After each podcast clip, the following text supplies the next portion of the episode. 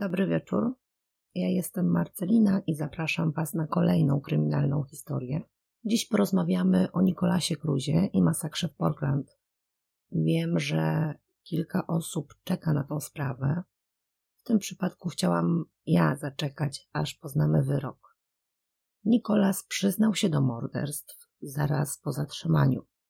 Przed sądem uczynił to ponownie już dawno temu, lecz proces zaczął się około czterech miesięcy temu i głównie skupiał się na tym, czy Nicholas Jacob Cruz powinien odsiadywać dożywocie, czy może zostać stracony.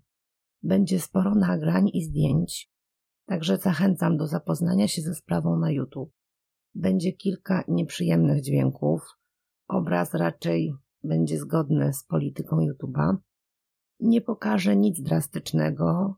Jeśli komentarze będą włączone, dajcie znać pod jakimś innym materiałem. Będę starała się je włączać na bieżąco.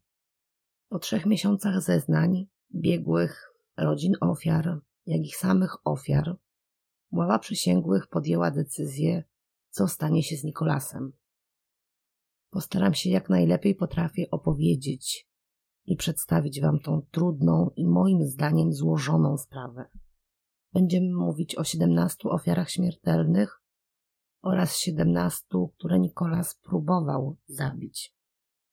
Jeśli popełnię błąd w wymowie któregoś z imion lub nazwisk, bardzo Was przepraszam. Będziemy mieć dziś wiele osób o różnym pochodzeniu, a wszelkiego rodzaju translatory i tłumacze nie zawsze są przydatne i czasem wprowadzają więcej zamieszania niż y, pomagają. Zacznijmy jednak, tak jak zawsze, od początku. Kim był Nikolas i co doprowadziło do tej tragedii? Nikolas urodził się 24 września 1998 roku w Margate na Florydzie. Nie był planowanym i wyczekiwanym dzieckiem. Jego biologiczna matka Brenda Weddard prowadziła życie na krawędzi.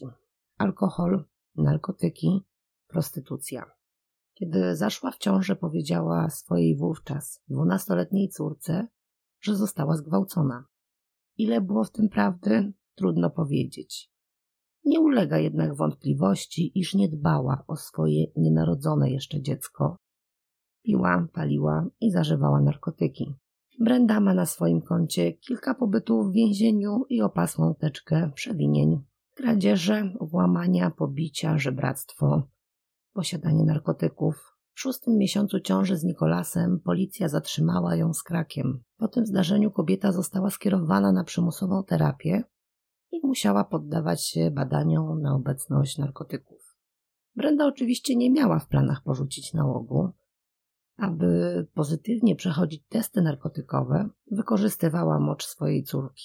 Daniel, pierworodna Brendy, mimo iż nie została oddana do adopcji, swoje życie spędziła tułając się po różnych domach. Dorosła już dziś kobieta wspomina, że czas spędzony z Brendą, jak nazywa swoją matkę, był najgorszym w jej życiu. Jako dziecko widziała rzeczy, których rodzice nie powinni pokazywać dziecku. Kobieta, aby zarobić, udostępniała swoje mieszkanie narkomanom, za drobną opłatą prostytuowała się. Piła i zażywała narkotyki w obecności córki. Życie siostry Cruza potoczyło się podobnie do życia jej matki. Kobieta na czas zeznań została dowieziona z aresztu. Czeka na proces, w którym grozi jej dożywocie. Była kilkukrotnie osadzana w więzieniach, Łącznie ma 16 wyroków wskazujących. O tym, jak wpłynęła Brenda na swoje dzieci, opowiemy sobie jeszcze później troszeczkę. Nikolas został oddany do adopcji zaraz po urodzeniu. Jego przydanymi rodzicami byli Linda i Roger Cruzowie. Na sali sądowej padły przypuszczenia, iż Cruzowie zapłacili Brendzie za możliwość adopcji. Para nie była małżeństwem, a na posiadanie dzieci zdecydowali się późno. Linda miała 51 lat, a jej mąż 63.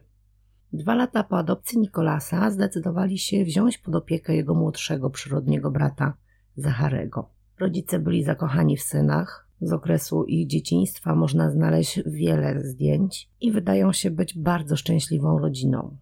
Więź Nikolasa i Lindy była wyjątkowa. Kobieta bez wątpienia kochała obu synów, lecz to Nikolas był jej ulubieńcem – ich relacja była bardzo bliska. Może to ze względu na pewnego rodzaju defekty starszego syna. Szczęście Cruzów nie trwało jednak długo.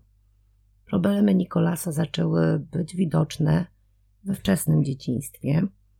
Chłopiec zaczął korzystać z nocnika w wieku czterech lat, nie nawiązywał bliskich relacji z dziećmi. Zazwyczaj interakcja kończyła się szczypaniem, biciem, gryzieniem. Jego rozwój mowy również był opóźniony.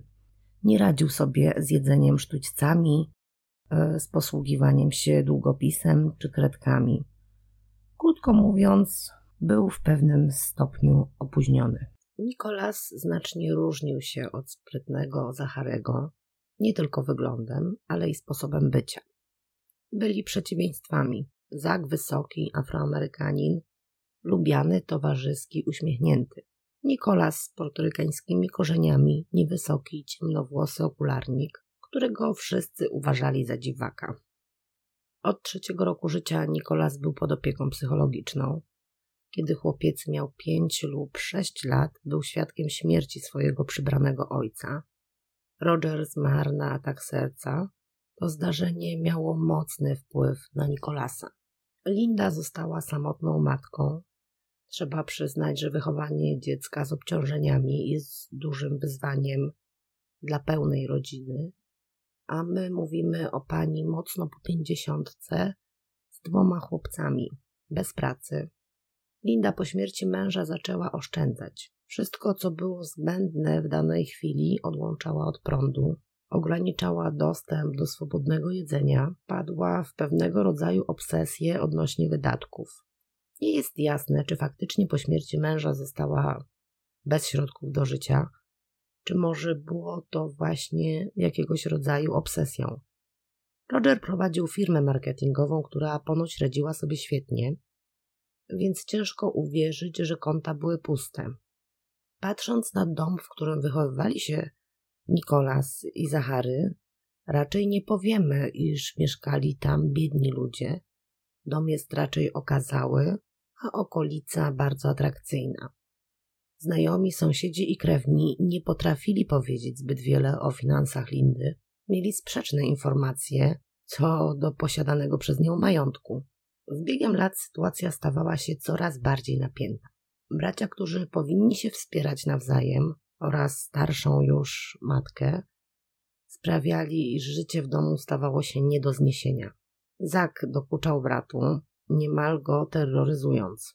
Nikolas zamykał się w sobie, popadając ze skrajności w skrajność. Złe emocje wyładowywał na matce i przedmiotach. Mimo iż był stale pod opieką specjalistów, nie zawsze przyjmował leki. Linda nie za każdym razem mogła lub chciała je kupić. Jego leczenie nie było w pełni refundowane, a jego matka nie do końca też stosowała się do zaleceń specjalistów. W ich domu bywała policja, wzywana przez Lindę. Chłopcy kłócili się, niszczyli przedmioty. Kobieta nie czuła się bezpiecznie. Nikolas zamykał się w świecie gier komputerowych, często gęsto tych, których dominowała przemoc. Nie potrafił radzić sobie z przegraną, co powodowało napady agresji. Linda po którymś z napadów złości syna, kiedy to ucierpiały meble i ściany, zabrała wówczas nastoletniemu Nikolasowi konsolę i zamknęła ją w aucie. Chłopak wybił szybę w samochodzie. Zjawiła się oczywiście policja. Żeby jeszcze lepiej przybliżyć Wam osobowość Cruza, trzeba wspomnieć o jego krucjacie przeciwko żabom. Jest z rodziny, z którym Nikolas był blisko związany, zjadł żabę. To była ponoć jakaś trująca ropucha. Zwierzę niestety nie przeżyło, a Nikolas od tego czasu zabijał wszystkie płazy w okolicy. Chłopak potrafił się w niezdrowy sposób zafiksować na czymś. Tak było też z bronią. Mimo iż terapeuci mówili Lindzie, żeby absolutnie Nikolasowi nie kupowała żadnych pistoletów, włącznie z zabawkowymi, kobieta w pewnym okresie dała się namówić i kupiła synowi pierwszy pistolet. Nikolas zabrał ten pistolet do szkoły, a ponieważ była to szkoła przystosowana dla uczniów z zaburzeniami, bardzo szybko zorientowali się, że Nikolas przyniósł na teren, na teren placówki właśnie niebezpieczny przedmiot. Wtedy też y, dostał zakaz przynoszenia do szkoły plecaka, y, torby i zaczęto go baczniej obserwować. Z racji, iż w szkole przebywali uczniowie z obciążeniami psychicznymi, a placówka była raczej niewielka, bo mówimy tu o od 100 do 150 uczniów, nauczyciele byli zdecydowanie lepiej zapoznani z problemem ucznia, a i dzieciaki miały dostęp y, do opieki psychologicznej. Tym okresie Nikolas całkiem dobrze sobie radził w szkole. Następnie zaczął naukę w Douglas. Nie był tam lubiany, nie miał zbyt wielu przyjaciół, był outsiderem. Uczniowie mówili, że nawet grupa dziwaków, którzy nie byli popularni w szkole, jak to bywa w Stanach, a i coraz częściej u nas, nie chciała mieć z Nikolasem nic wspólnego. Chłopak lubił wdawać się w utarczki słowne, bywał agresywny w stosunku do nauczycieli. Dziewczęta nie interesowały się Cruzem, uważały go za dziwnego, a jego sposób bycia budził ich niepokój. Zdarzało się, że Nikolas przynosił również do szkoły noże. Nauczyciele i dyrekcja szkoły byli świadomi, iż chłopiec, nastolatek, interesuje się bronią. Mieli również wiedzę o jego problemach psychicznych. Uczniowie informowali o niepokojących zachowaniach Nikolasa. Cruz publikował w sieci różnego rodzaju wpisy, zdjęcia noży, broni. Wykazywał zainteresowanie nazizmem oraz mm, innymi strzelaninami w szkołach. Bardzo istotny jest fakt, iż FBI wiedziało o, zdaje się, chyba jednym z komentarzy pozostawionych przez Cruza na, na YouTubie.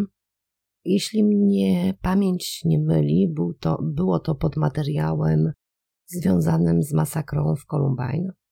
Komentarz brzmiał: Będę profesjonalnym strzelcem szkolnym. Nikolas popełniał wiele błędów pisząc, więc mogę się mylić w dokładnym tłumaczeniu.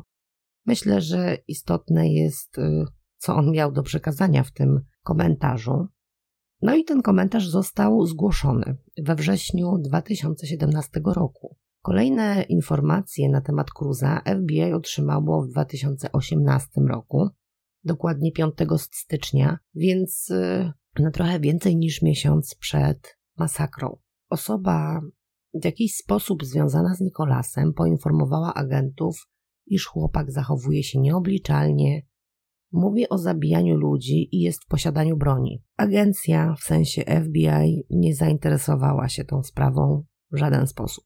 Powoli będziemy przechodzić do wydarzeń z dnia 14 lutego 2018 roku, lecz nim opowiemy sobie o tym tragicznym dniu, Muszę zaznaczyć, iż Nicholas nie był już uczniem Douglas. Jego zachowanie oraz oceny miały z tym związek, że chyba pod koniec y, właśnie jego pobytu w Douglas on wdał się w bójkę z jednym z uczniów. Chodziło o dziewczynę i o sposób, w jaki Nicholas ponoć ją traktował. Mało tego, jak dobrze pamiętam, tylko nie chcę przeinaczyć, czy to był konkretnie ten uczeń, z którym on dał się w bójkę, czy była to dziewczyna, jego była przyjaciółka, któreś z nich zgłosiło władzom szkoły, iż jest nękane i straszone poprzez wiadomości przez Nikolasa. Kolejną rzeczą, o której chcę Wam jeszcze powiedzieć, jest to, iż mama Nikolasa zmarła 4 miesiące przed tragicznymi wydarzeniami na zapalenie płuc. Nikolas i Zachary Zamieszkali u przyjaciółki matki Roxan. Agresywne zachowanie Nikolasa oraz fascynacja bronią w okresie przebywania u Roxan, policja zjawiała się tam kilkukrotnie. Mm, kobieta kazała chłopakowi wybierać albo dach nad głową, albo broń. Ona ewidentnie się obawiała o swoje bezpieczeństwo i swojej rodziny. Nikolas wybrał pistolet. Chłopak wyprowadził się i zamieszkał u kolegi. Małżeństwo, które przyjęło Nikolasa, miało trzech synów. To właśnie jeden e, z nich poprosił rodziców, aby pomóc Cruzowi. Ci ludzie nie do końca zdawali sobie sprawę z problemów chłopaka. Wiedzieli, iż niedawno zmarła jego matka, że chłopak boryka się z żałobą i że osoba, u której mieszkał wcześniej, nie toleruje broni, którą Nikolas posiada. Z racji tego, iż głowa rodziny, James Snate, posiadał broń, nie przeszkadzało mu że i Cruz ją ma. Zasada jednak była prosta. Nicholas miał trzymać broń w sejfie, który zresztą kupili w drodze do ich domu, kiedy zabierali rzeczy od Roxanne. James był przekonany, że jest jedyną osobą, która ma klucze do sejfu. No tak się jednak nie zadziało, bo Nicholas miał drugi komplet. Mężczyzna nie przypuszczał, iż został w pewien sposób oszukany przez Cruza. Rodzina Snade wierzyła, że są w stanie pomóc Nicholas, Nicholasowi. Małżeństwo wychowało trzech synów i sądzili, że są w stanie uporać się z problemami Nicholasa. Ich zamiary bez wątpienia były dobre i szlachetne.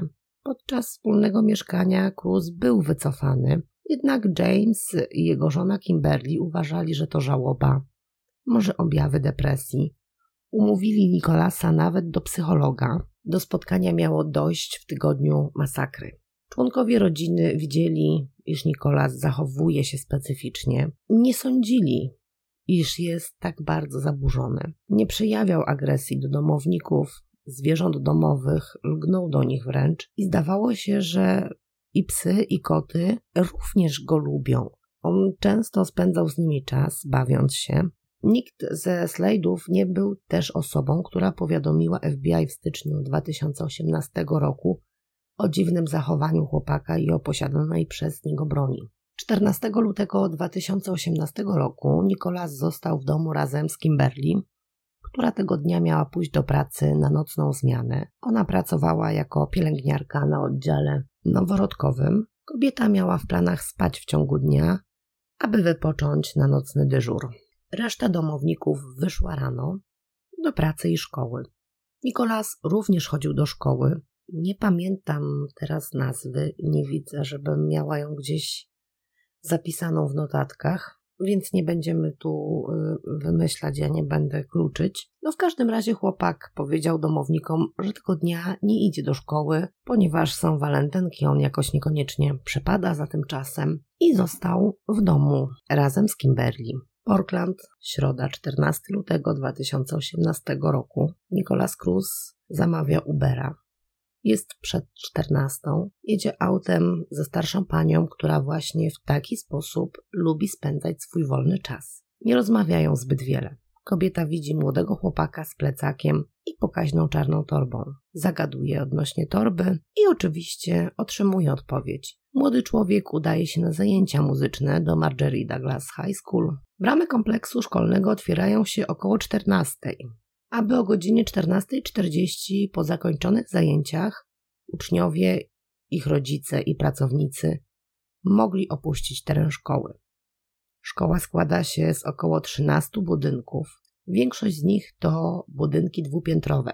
My powiedzielibyśmy, że są to budynki jednopiętrowe. Oni liczą parter jako pierwsze piętro, i dziś będziemy posługiwać się ich sposobem określania kondygnacji. Jednym budynkiem trzypiętrowym jest budynek 1200, zwany również dwunastką lub pierwszorocznym, co nie do końca jest prawdą, ponieważ uczniowie starszych klas również mieli tam lekcje.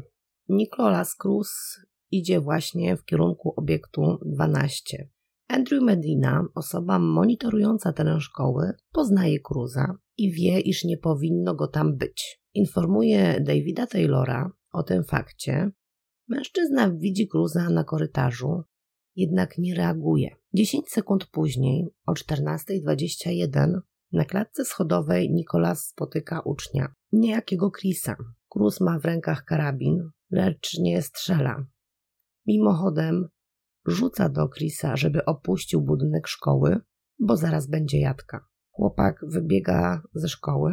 Możecie zobaczyć sobie e, te nagrania. Jest to bardzo krótkie spotkanie i oni nawet się nie zatrzymują na, tę na tą zamianę słów. Cruz wchodzi na korytarz pierwszego piętra lub parteru, gdzie znajduje się 10 klas. 6 po jednej stronie korytarza i 4 po drugiej. Analogicznie na każdym piętrze jest takie samo rozmieszczenie klas oraz reszty pomieszczeń.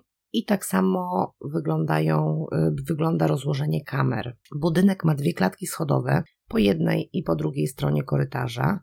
Na półpiętrach znajdują się kamery, na każdej z klatce schodowej po dwie. Na korytarzach natomiast są po trzy kamery, zaraz przy wejściach do klatek schodowych oraz na środku korytarzy. W klasach nie ma monitoringu, kamery działają na ruch. Na korytarzu poziomu pierwszego znajduje się 14-letnia Gina Montalto, która właśnie opuściła klasę 12-15. O 14.21 pada pierwszy strzał, który zabija Ginę. Pod klasą, którą opuściła Gina, stoją dwaj chłopcy: 15-letni Luke Hoyer oraz 14-letni Martin Duque. Obaj zostają ranni. Luke umiera na miejscu, Martin w drodze do szpitala. Ashley Bias, która znajdowała się w drugim końcu korytarza, zostaje postrzelona w nogi. Dziewczyna ukrywa się we wnęce przed toaletami. Łazienki na poziomie pierwszym i trzecim były zamknięte i najprawdopodobniej chodziło o palenie. I tylko na poziomie drugim były otwarte łazienki, więc uczniowie pozostałych pięter musieli udawać się na drugie piętro, aby skorzystać. I cały czas, e, kiedy opowiadam Wam to, te sytuacje, to wszystko dzieje się bardzo szybko. Sam atak nie trwał długo, bo chyba około 6 minut, więc y, kiedy mówię 14.21, to możemy sobie tak mniej więcej brać pod uwagę, że minęło 10 sekund, 15, wszystko rozegrało się bardzo szybko. I o 14.21 David Taylor, który widział na korytarzu Cruza, ucieka przed strzałami do pokoju socjalnego, gdzie najprawdopodobniej przebywał do końca strzelaniny. I kamera uchwyciła go na klatce schodowej. No i osoby znów oglądające na YouTube mogą to zobaczyć. Mężczyzna, biegnąc na wyższe piętra, nie powiadomił nikogo o tym, co dzieje się w szkole. Nie włączył również alarmu przygotowanego na takie sytuacje, choć jest do tego, choć był do tego upoważniony i teoretycznie zobowiązany. Oprócz tego, iż y, był zastępcą trenera, zajmował się również ochroną obiektu szkolnego. Cruz zjawia się pod drzwiami sali 12-16 i zaczyna strzelać. Pierwszą jego ofiarą jest Alex Schachter, lat 14. Nastolatek siedział w ławce, nie zdążył się ukryć. Jego rówieśniczka, Alisa Alhadew, skryła się za biurkiem nauczycielki, jednak nie jest w stanie zachować ciszę. Cruz ją słyszy i oddaje w jej stronę serię strzałów. W tej klasie zostają jeszcze ranni trzej chłopcy: Liam Olsen, Justin Colton oraz Alex Dworet. W czasie, kiedy Nicholas atakuje klasę 12-16, Ashley Bias, która została ranna w nogi, ucieka do klasy 12-10. Jak podają źródła uczniowie i nauczyciele, z drugiego piętra sądzili, iż to pękające balony lub petardy robiły taki hałas. W końcu były walentynki.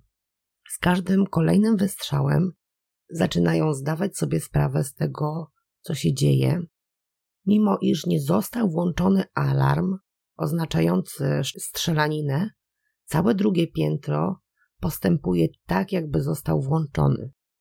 Pustoszeją korytarze, światła zostają wyłączone, drzwi zamknięte, uczniowie oddalają się od e, drzwi klasy, siadają na podłodze. Tymczasem na trzecim piętrze, gdzie odgłosy wystrzałów nie są tak wyraźnie słyszalne, uczniowie żartują sobie, że to pewno strzelanina. Jeden z nich ponoć w żartach schował się nawet do szafy. Nie wiedzą, iż to z czego właśnie się śmieją, jest faktem. Około 14.22 Nikolas zaczyna ostrzał klasy 12-14. Kule trafiają sześciu uczniów, z których dwoje umiera. 16-letnia Helena Ramsey wykrwawia się na oczach całej klasy. 17-letni Nick Dworet, którego brat został postrzelony w klasie 12-16, również otrzymał postrzał i zmarł na miejscu. 14.22 włącza się alarm przeciwpożarowy, najprawdopodobniej z powodu dymu, który wydobywał się z karabinu Cruza. Drugie piętro nie opuszcza budynku, wszyscy zostają w klasach. Trzecie piętro szykuje się do ewakuacji. Uczniowie gromadzą się na korytarzu, mimo iż alarm pożarowy wzbudził niepokój i niepewność. Tego dnia odbywały się w szkole ćwiczenia ewakuacyjne na wypadek pożaru. Więc nauczyciele i uczniowie byli mocno zdziwieni, że one powtórzyły się znów. Więc to było takie troszkę zaskakujące dla nich. Ale postępują zgodnie z przepisami, ustawiają się na korytarzu. Jest e, zdjęcie, możecie sobie zobaczyć, ten korytarz po prostu jest wypany dziećmi. Na pierwszym piętrze Nikolas w dalszym ciągu strzela. Wraca do klasy 12-16 i ponownie atakuje uczniów. Alisa Alhadew, która już jest ranna, zostaje ponownie postrzelona. W sumie 10 razy. Dziewczynka umiera. Jej rówieśniczka, Elina Petty, również ginie na miejscu. Kule trafiają jeszcze w dwie inne osoby. Udaje im się ujść z życiem.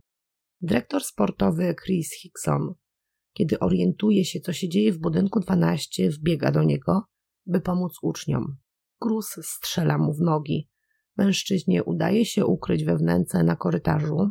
Cruz wraca do klasy 12-13, gdzie zabija Carmen Stentrap, lat 16 i rani kolejnych troje uczniów. O 14.23 Nikolas znajduje dyrektora sportowego ukrytego na korytarzu, strzela do mężczyzny trzykrotnie. Chris Hickson umrze na terenie szkoły, kiedy będzie przewożony w bezpieczne miejsce podczas ewakuacji. Chris, któremu Cruz kazał uciekać z budynku, spotyka trenera Arona Fesh. Mówi mu, co widział, co powiedział mu Cruz i trener Aaron odwozi Chrisa wózkiem golfowym na boisko szkolne i jedzie do budynku 12. Zaraz po wejściu wpada na Cruza. Jego poparzenia na dłoniach sugerowały, iż walczył z Nikolasem, chcąc odebrać mu broń. Nie udało się. 37-letni Aaron umiera od postrzału w głowę. Z zapisów kamer wynika, iż Nikolas Cruz na pierwszym piętrze przebywał 2 minuty i 13 sekund. To nie koniec szaleństwa 19-letniego Nikolasa Cruza. Chłopak wchodzi na kolejne piętro budynku. Podchodzi do drzwi jednej z klas, zagląda przez okienko. U nas czegoś takiego nie ma. Wiecie, jak w Stanach wyglądają te drzwi od klas zazwyczaj. Mają mm, te podłużne szybki. No i drzwi w tych, na poziomie drugim były pozamykane, więc Nikolas sobie zaglądał przez okienka. Wydaje mu się, że klasy są puste. Dzieciaki siedziały w taki sposób, żeby on nie mógł ich zobaczyć. Uczniowie słyszą, jak Cruz mamrota sam do siebie, że nikogo tu nie ma. Cruz na drugim piętrze spędził 51 sekund. W międzyczasie musiał oddać kilka strzałów, ponieważ uczniowie z trzeciego piętra, dopiero będąc na schodach, kiedy się ewakuowali, orientują się, co się dzieje. Część z uczniów ucieka na dół, część wraca na górę. Są jeszcze inni e, na drugiej przeciwnej klatce schodowej po przeciwnej stronie korytarza. Także części z tych dzieciaków udało się uciec. Nauczyciele starają się ukryć ich w klasach, jednak Cruz słyszał zamieszanie, podąża schodami na trzecie piętro. Pierwsze strzały padają w kierunku nauczycielki Stacy Lippel. Kobieta została trafiona w ramię, kiedy zamykała drzwi do klasy której wcześniej zdążyli skryć się jej uczniowie. Kilka sekund później nauczyciel geografii, 35-letni Scott Bagel, który również próbował zamknąć klasę, w której skryli się uczniowie, został trafiony w klatkę piersiową. Wielu uczniów wciąż było na korytarzu, a morderczy szał Cruza wciąż trwał. Stojący przed drzwiami klasy, 15-letni Antony zostaje postrzelony pięć razy. Prasa ochrzciła nastolatka bohaterem. W klasie, przed którą stał chłopak, znajdowało się około 20 uczniów, a Antony miał chronić ich własnym ciałem, aby Cruz nie wszedł do klasy. Antony przeżył i był osobą, chyba, która odniosła najwięcej ran, a mimo tak dużych obrażeń przeżyła. Na korytarzu trzeciego piętra uczniowie, którzy nie skryli się w klasach, ukrywają się we wnękach przy salach i toaletach. Przy sali 1241, gdzie z uczniami chowa się Rozpierski, który nie miał przy sobie kluczy, by otworzyć klasę, zostaje postrzelona 18-letnia Meadow Polak. Kilka metrów dalej przy toaletach chowa się 17-letni Joaquin Oliva. Nastolatek również zostaje trafiony. Broń Nikolasa zacina się. Chłopak zawraca i zatrzymuje się przy ciele Scotta, nauczyciela geografii. Rozpierski w tym czasie woła uczniów i uciekają w stronę klatki schodowej, po przeciwnej stronie korytarza niż tam, gdzie znajduje się Nikolas. Nie wszystkim się to udaje. Cruz ostrzeliwuje grupę uciekających dzieciaków. Czternastoletnia Gina Gattenberg zostaje trafiona w plecy. Dziewczynie udaje się zrobić jeszcze kilka kroków. Umiera za drzwiami klatki schodowej. Piętnastoletni Peter Wong, który trzymał drzwi, aby uczniowie mogli opuścić korytarz i wbiec na tą klatkę schodową, zostaje trafiony dwunastokrotnie i umiera. Kilka osób, które nie były w stanie uciec, zostały na trzecim piętrze. Nikolas nie ma skrupułów i strzela ponownie do osiemnastoletniej Meadow, która wcześniej została już postrzelona. Dziewczyna najprawdopodobniej osłaniała młodszą koleżankę, czternastoletnią Karlę Laugren, która jest, była w szoku i nie była w stanie się poruszyć. Tak e, wyglądało ponoć e, miejsce, w którym znaleziono dziewczynki. Jedna leżała na drugiej. Krus kieruje się w stronę wnęki przy męskich toaletach, gdzie skrywa się Joaquin, który został ranny w nogi. Joaquin jest ostatnią osobą, która zginęła w Marjorie Douglas School. Na zdjęciu z kamer klatki schodowej możemy zobaczyć Rozpierskiego, nauczyciela, który przytrzymuje nogą drzwi. W drzwiach jest szyba, za którą stoi Cruz i nie może otworzyć tych drzwi, bo oprócz tego, że właśnie e, nauczyciel ją przytrzymuje, to jeszcze znajdują się tam zwłoki po prostu dziewczyny, która została zamordowana tego dnia. Chwilę przed ostatnimi strzałami zostaje uruchomiony czerwony alarm, i to jest ten alarm odpowiedzialny właśnie, mm, który powinien zostać uruchomiony dawno, bo właśnie chodzi o te strzelaniny szkolne. I niemal od samego początku większość osób wiedziała, iż doszło do strzelaniny. Nie wiadomo, dlaczego ten alarm nie został uruchomiony od razu. Nikolas miał nadzieję, iż uda mu się ostrzelać ewakuujący się tłum. W tym celu poszedł do pokoju nauczycielskiego, gdzie przez e, zamknięte okna mierzył do uciekających uczniów nauczycieli, ale dzięki wzmocnieniom szyb ze względu na huragany nie udało mu się przestrzelić. Chłopak na klatce schodowej pozostawia plecak, kamizelkę, w której trzymał amunicję i karabin. Opuszcza budynek szkoły, po czym miesza się z tłumem już e, na podwórku szkolnym. Na nagraniach z kamer widać, jak udaje się w stronę sklepów, mijając kort tenisowy i boisko szkolne. Policja, mimo iż zjawiła się na miejscu w miarę szybko, nie podjęła żadnych działań.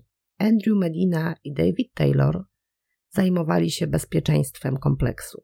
Medina ponoć był jedyną osobą na terenie szkoły, która miała broń.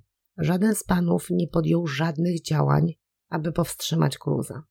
Chłopak udał się do pobliskiego Subwaya, kupił mrożoną herbatę, po czym poszedł do McDonalda. Tam spotkał innego ucznia, do którego się dosiadł. Był to brat jednej z postrzelonych przez Nikolasa dziewcząt.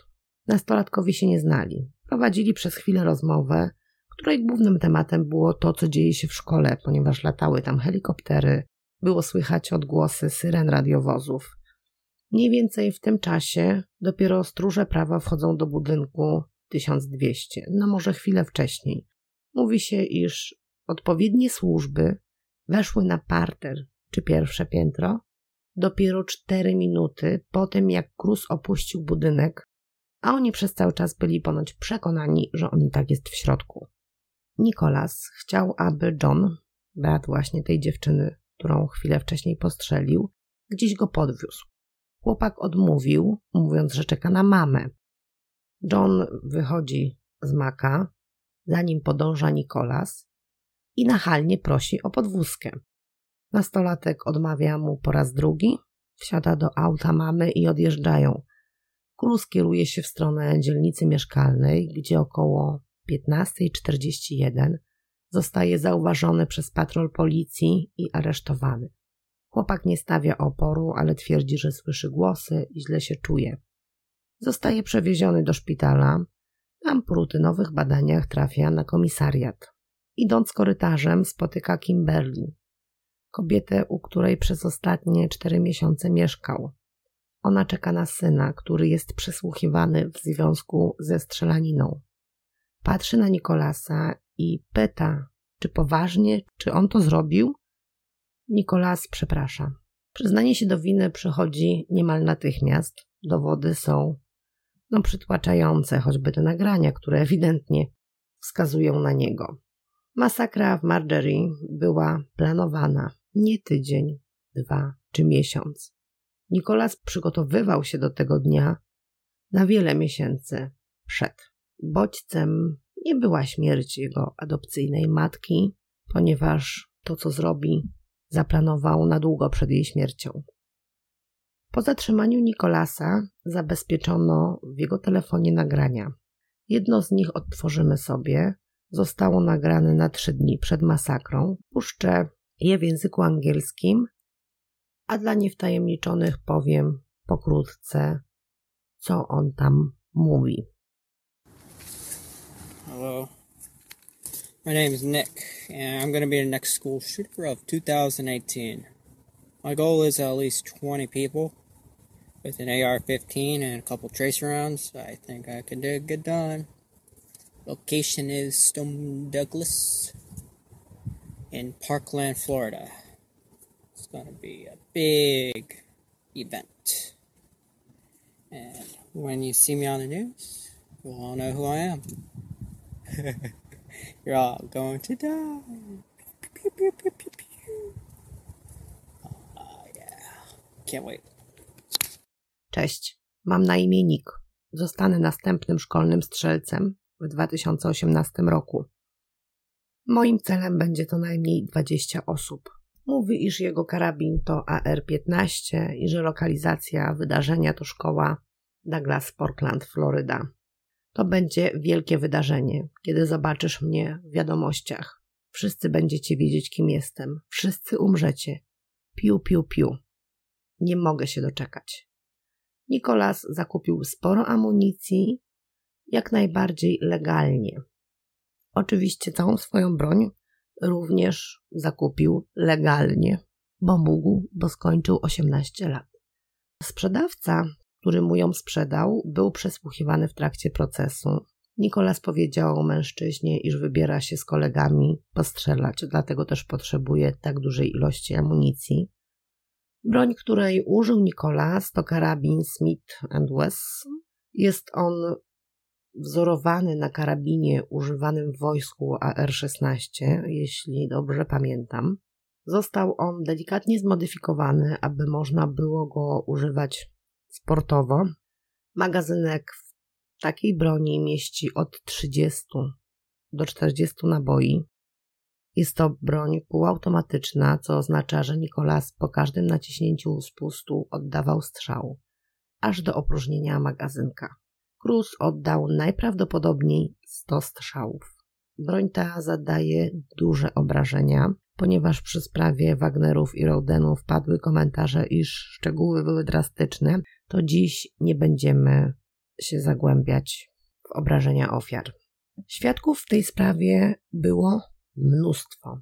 Trzeba przyznać, że najbardziej szczegółowo była zgłębiana psychika Cruza. I chociaż mamy już jakiś zarys funkcjonowania tego młodego mężczyzny, to do opinii specjalistów wrócimy sobie za chwileczkę. Proces sam w sobie był trudny, emocjonujący, Teoretycznie jak wszystkie, ale nie na co dzień spotykamy się z nagraniami monitoringu, relacjami tak dużej ilości świadków zdarzenia, były odtwarzane nagrania telefonów pod 911. Hello, we're at Stoneman Douglas High School, and I think there's a shooter. Hello? You still there? Talk to me, please.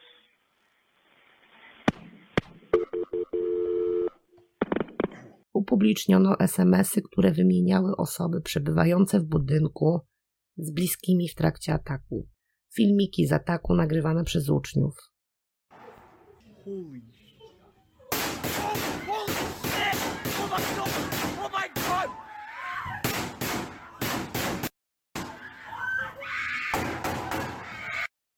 Materiał multimedialny był spory.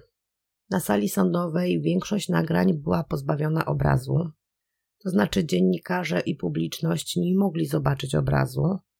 Był on y, udostępniony dla ławy przysięgłych.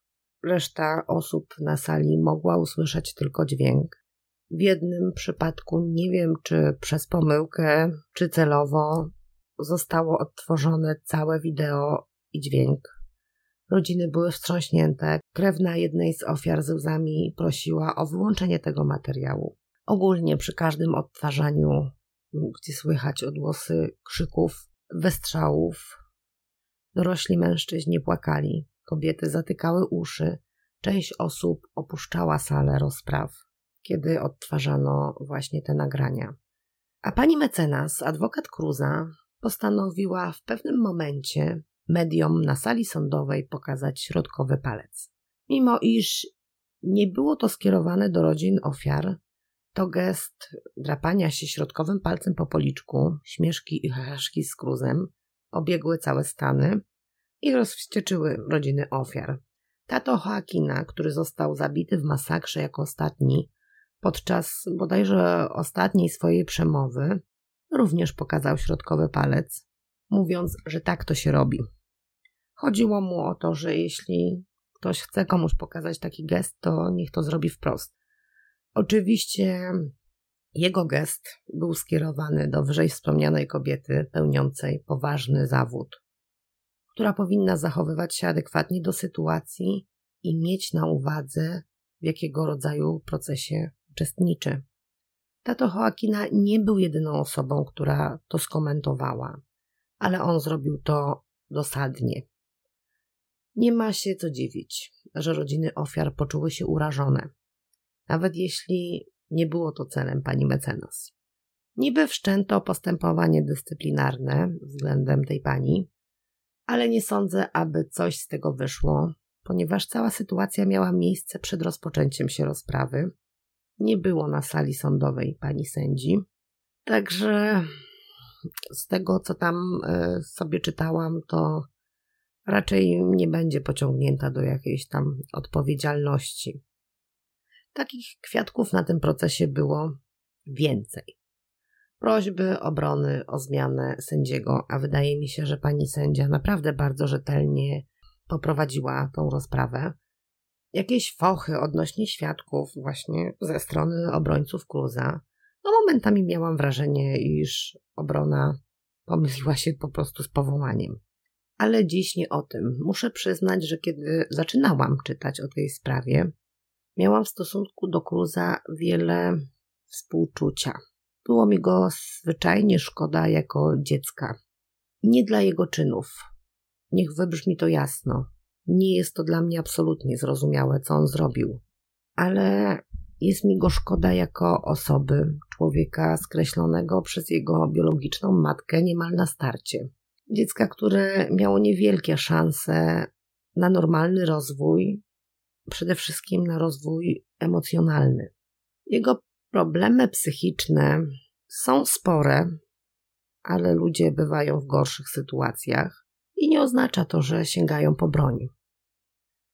Pierwszym podstawowym problemem, który został poruszony na procesie, to zespół FAS.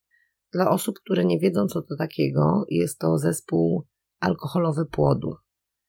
Jest to zespół cech, które są bardzo trudne do zdiagnozowania.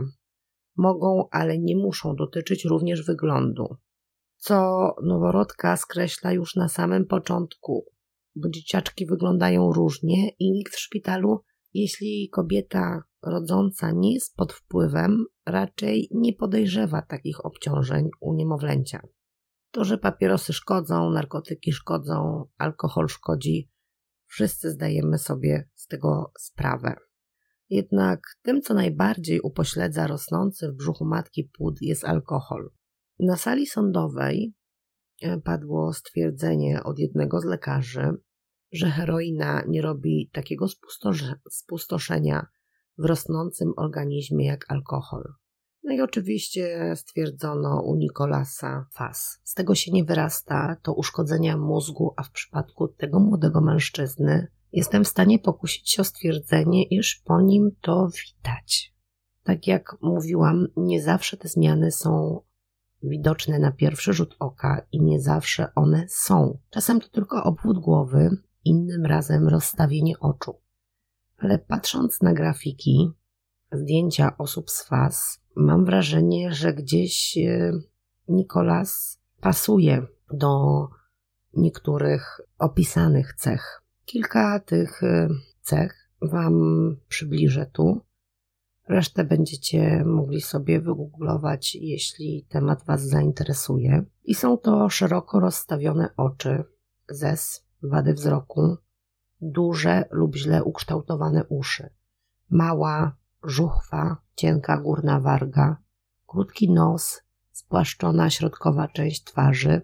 No i te cechy niewidoczne to trudności w uczeniu się, zaburzenia koncentracji i uwagi, problemy ze słuchem oraz problemy z zachowaniem, takie jak impulsywność, nadpobudliwość. Ale to nie koniec tak naprawdę tego, co lekarze zdiagnozowali u Cruza. Dalej mamy depresję, ADHD, autyzm lub zaburzenia ze spektrum. Mamy tu paletę schorzeń, z którymi chociaż taka mieszanka pewno nieczęsto się zdarza. W dzisiejszych czasach większość specjalistów, rodziców radziłaby sobie z trudem, a co 20 lat temu czy 15. Chociaż prawdą jest to, że takiego przeglądu technicznego, że tak to nazwę, Nikolas nie doczekał się aż do czasu aresztowania. Jest to osoba zaburzona. Nie rozmawiamy o zdrowym w stu procentach człowieku. Na ile był świadom i na ile działał z premedytacją, musiano stwierdzić, iż Nikolas może odpowiadać za swoje czyny. Zabił kilkanaście osób, wiele ranił, zniszczył życie wielu ludziom, którzy traumy mają do dziś. Wiele z nich cierpi na stres pourazowy. Dwoje uczniów popełniło samobójstwa po masakrze. Zeznania ofiar Cruza są straszne. Ci młodzi ludzie widzieli, jak on celuje do nich z, e, z karabinu, uciekali przed tymi kulami. Tynk sypał im się na głowę, widzieli śmierć swoich przyjaciół, kolegów. Wiele z tych osób ma wrażenie, iż coś się nie skończyło, że za chwilę coś się wydarzy, że za rogiem czai się śmierć.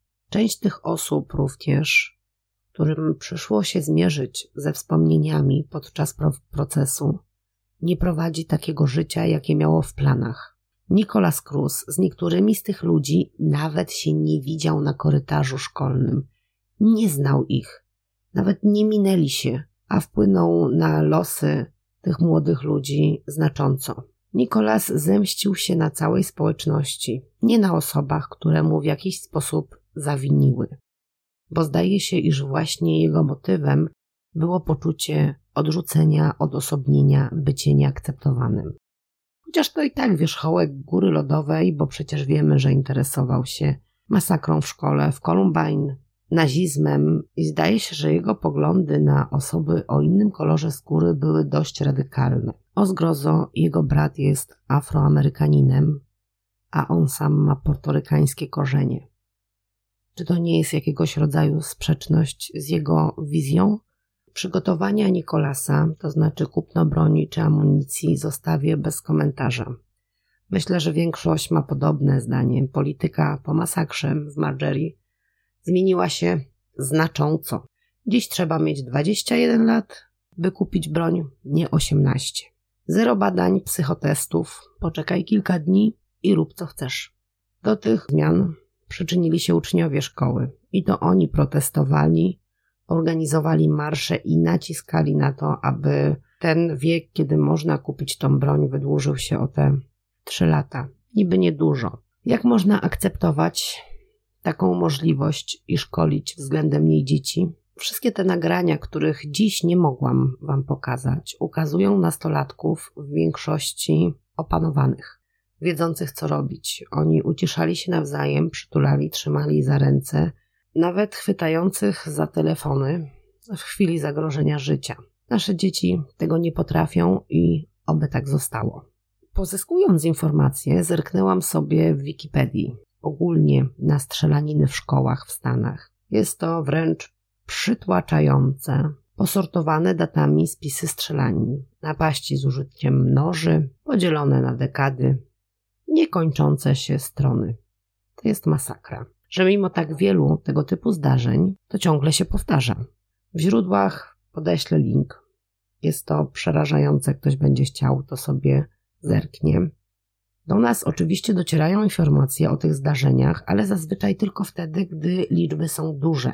Więc pamiętamy te największe: Portland, Columbine, Virginia Tech, 2007 rok, Newton 2012, Texas w tym roku, Santa Fe 2018, ale wiemy o tym, bo tych ofiar było po prostu dużo. A jest masę spraw, gdzie zginęły dwie, trzy osoby, albo zostali tylko ranni. Jest to dla mnie niepojęte, że ten problem nie został zduszony jakoś w zarodku, nierozwiązany, że w dalszym ciągu to się powtarza. Wróćmy do tematu, bo gdzieś od niego odbiegłam. Nikolas w trakcie tych pierwszych zeznań, pierwszego czy drugiego dnia, twierdził, iż chyba to było pierwszego, w planach miał samobójstwo. Dlaczego tego nie uczynił? Chłopak był skryty, nie chciał zbyt wiele mówić i zdradzać, co mu tam w głowie siedzi. Mówił bardzo cicho. Trudno go było z początkiem tych zeznań zrozumieć. Na YouTubie dostępny jest fragment nagrań z przesłuchania, również zostawię link. Nikolas, kiedy nie jest w obecności śledczych, w pokoju przesłuchań zachowuje się dziwnie.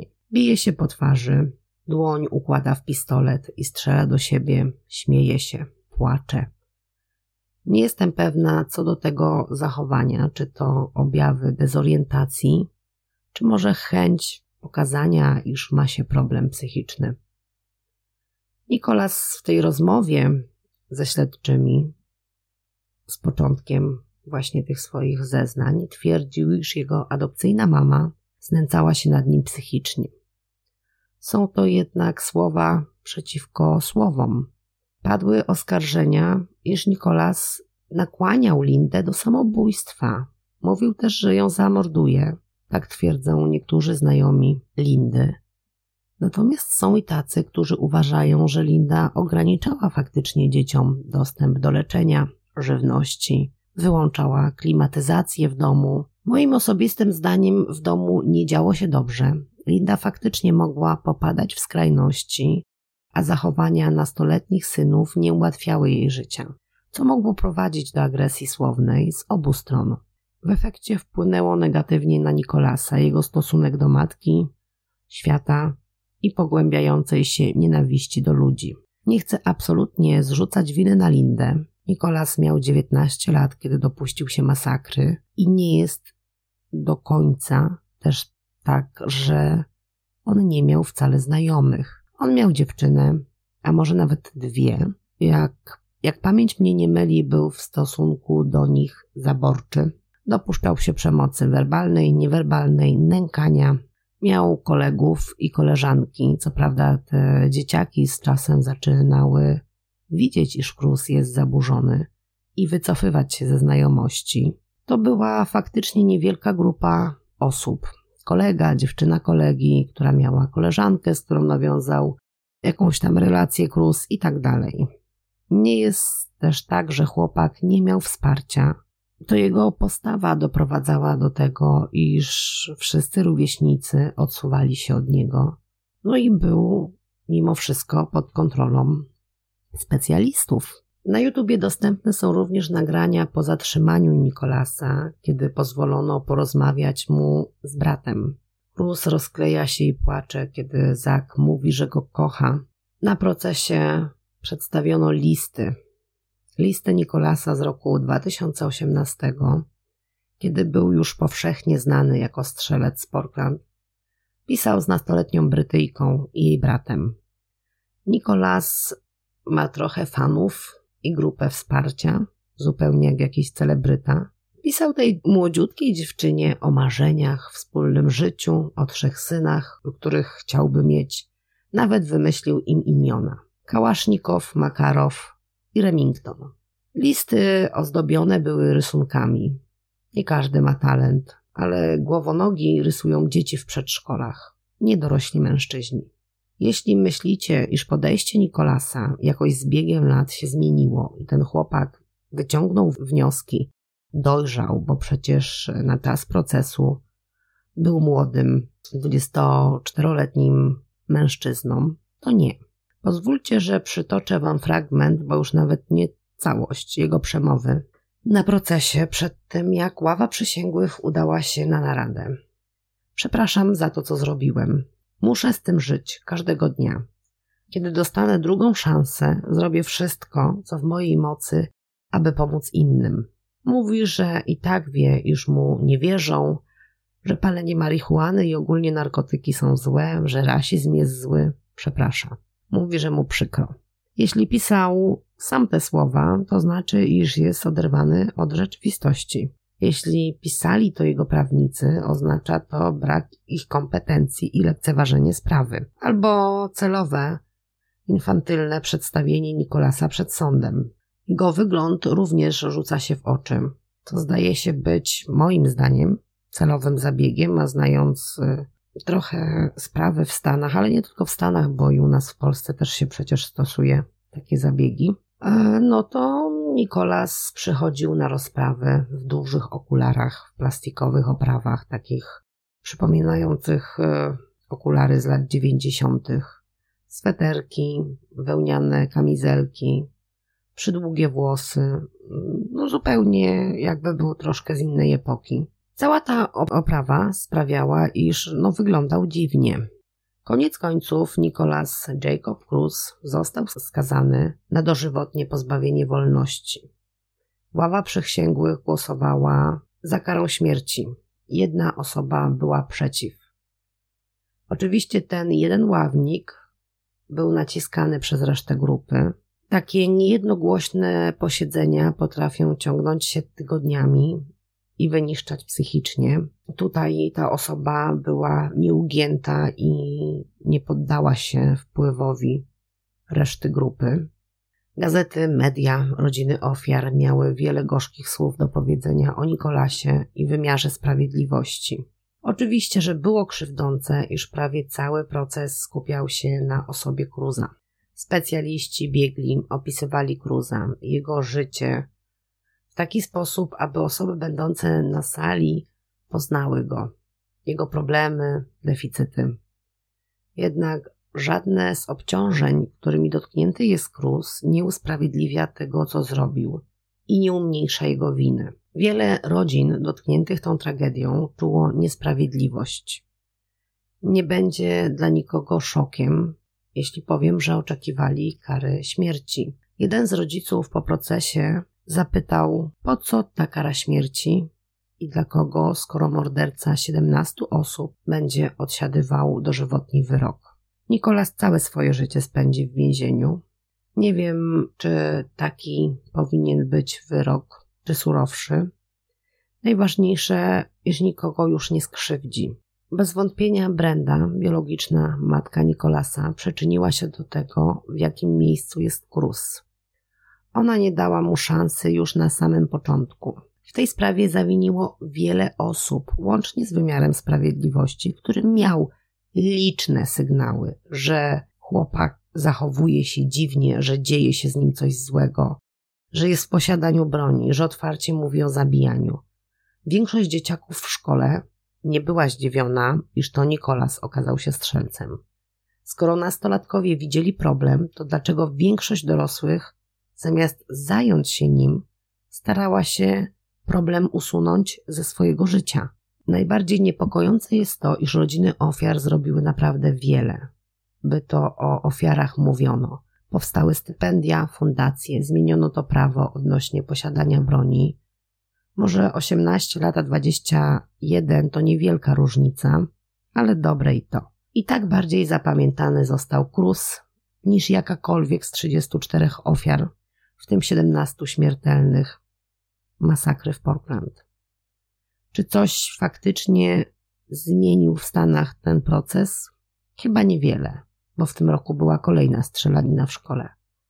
Pokrótce, na samym końcu, opowiem Wam trochę o każdej z ofiar, żeby nie były tylko nazwiskami na liście.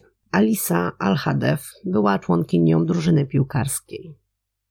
Najstarsza z trojga rodzeństwa, dziewczyna miała dwóch młodszych braci, którzy podziwiali ją za osiągnięcia sportowe. Kiedy jej mama podwoziła ją do szkoły 14 lutego, pożegnały się słowami kocham cię. Scott Beigel, nauczyciel geografii, oddał życie za swoich uczniów. Lubiany, pomocny, potrafiący zarażać pasją, był również trenerem biegów przełajowych. Martin Duque, przyjacielski, zabawny, lubił pomagać innym i włączał się w różnego rodzaju akcje pomocowe. Alex Dworet uwielbiał pływać, szykował się na studia. Wiązał przyszłość właśnie z pływaniem i marzył o olimpiadzie. W strzelaninie został ranny również jego brat. Aaron Fesch, nauczyciel, który pobiegł na pomoc uczniom mimo iż nie musiał nawet wchodzić do tego budynku. Wszyscy wypowiadali się w ciepłych słowach o tym człowieku, wesoły, kulturalny, pomocny. Jamie Gutenberg tańczyła od najmłodszych lat. Miła, hojna, lubiana przez rówieśników. Jej brat również był na terenie szkoły, kiedy doszło do masakry. Chris Hickson, dyrektor sportowy, trenował drużynę zapaśniczą. Wspominali, iż zawsze mogli na niego liczyć, czy to podwózką do domu, czy drugim śniadaniem. Luke Hoyer, cichy, spokojny, grał w koszykówkę. Koledzy nazywali go królem jednowyrazowych odpowiedzi. Lojalny, życzliwy. Karla Lowgren uwielbiała pływać, surfować. Po prostu spędzać czas na plaży. Zakochana w irlandzkim tańcu oczekiwała na dni świętego Patryka, aby móc wystąpić mocno związana z rodzicami i rodzeństwem.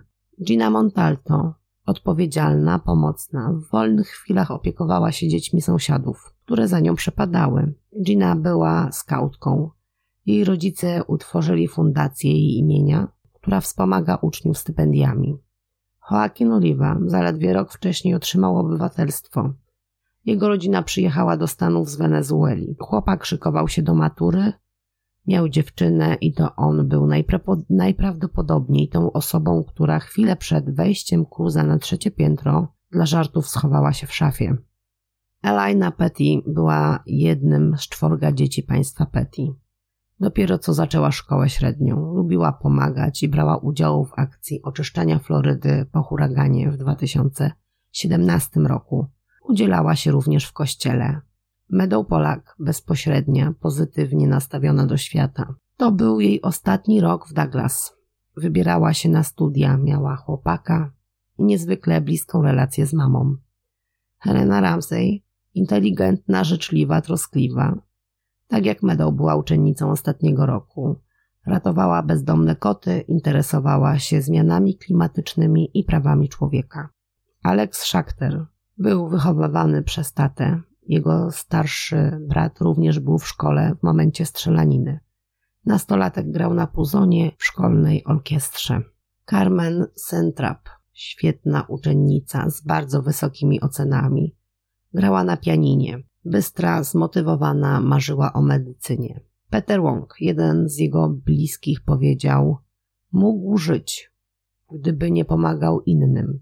To on trzymał innym uciekającym uczniom drzwi na klatkę schodową, kiedy dosięgły go kule. Przyjaciele wspominają, iż nie było rzeczy, której by nie zrobił, jeśli sobie zaplanował. Urodzony przywódca, pewny siebie i zmotywowany.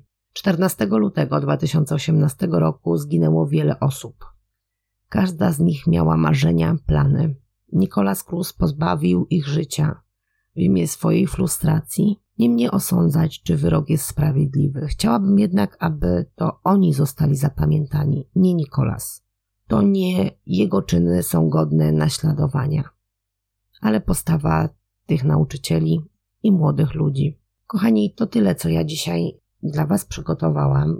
Także dziękuję Wam za wspólnie spędzony dziś czas.